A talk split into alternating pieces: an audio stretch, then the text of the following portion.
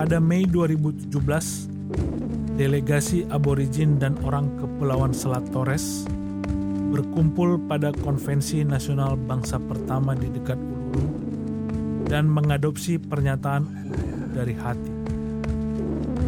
Pernyataan ini mengajukan sebuah perubahan untuk konstitusi Australia, mengakui bangsa pertama Australia di dalam konstitusi, dan bergerak maju berdasarkan kebenaran, keadilan, dan penentuan nasib sendiri.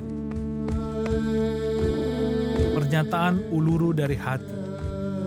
Kami yang berkumpul di Konvensi Konstitusi Nasional tahun 2017 dan datang dari segala penjuru langit selatan, membuat pernyataan ini dari hati. Suku Aborigin dan penduduk Kepulauan Selat Torres adalah bangsa berdaulat pertama di benua Australia dan pulau-pulau di sekitarnya, serta merupakan pemilik tanah ini berdasarkan hukum dan adat kami. Ini dimiliki oleh nenek moyang kami menurut perhitungan budaya kami dari waktu penciptaan, menurut hukum adat sejak dahulu kala dan berdasarkan ilmu pengetahuan lebih dari 60.000 tahun yang lalu.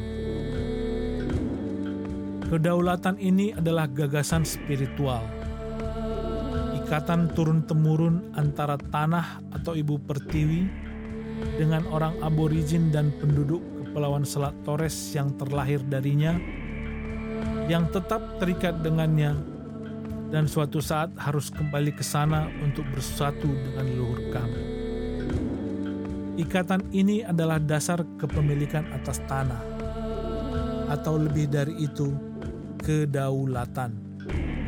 Kedaulatan ini tidak pernah diserahkan atau dipadamkan, tetapi berdampingan dengan kedaulatan mahkota Inggris Bagaimana mungkin terjadi sebaliknya? Orang-orang yang memiliki tanah dan ikatan sakral selama 60 milenium ini lenyap dari sejarah dunia hanya dalam 200 tahun terakhir. Dengan perubahan konstitusional dan reformasi struktural yang substantif, kami percaya kedaulatan kuno ini dapat bersinar sebagai ekspresi penuh dari kebangsaan Australia. Secara proporsional, kami adalah orang yang paling terbelenggu di planet ini. Kami bukan terlahir sebagai kriminal.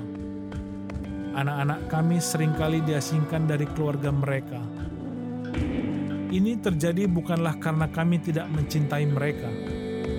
Banyak sekali anak muda kami merana di penahanan dalam jumlah yang parah mereka seharusnya menjadi harapan kami untuk masa depan. Dimensi krisis kami ini dengan gamblang menjelaskan sifat struktural dari masalah kami. Ini adalah siksaan atas ketidakberdayaan kami.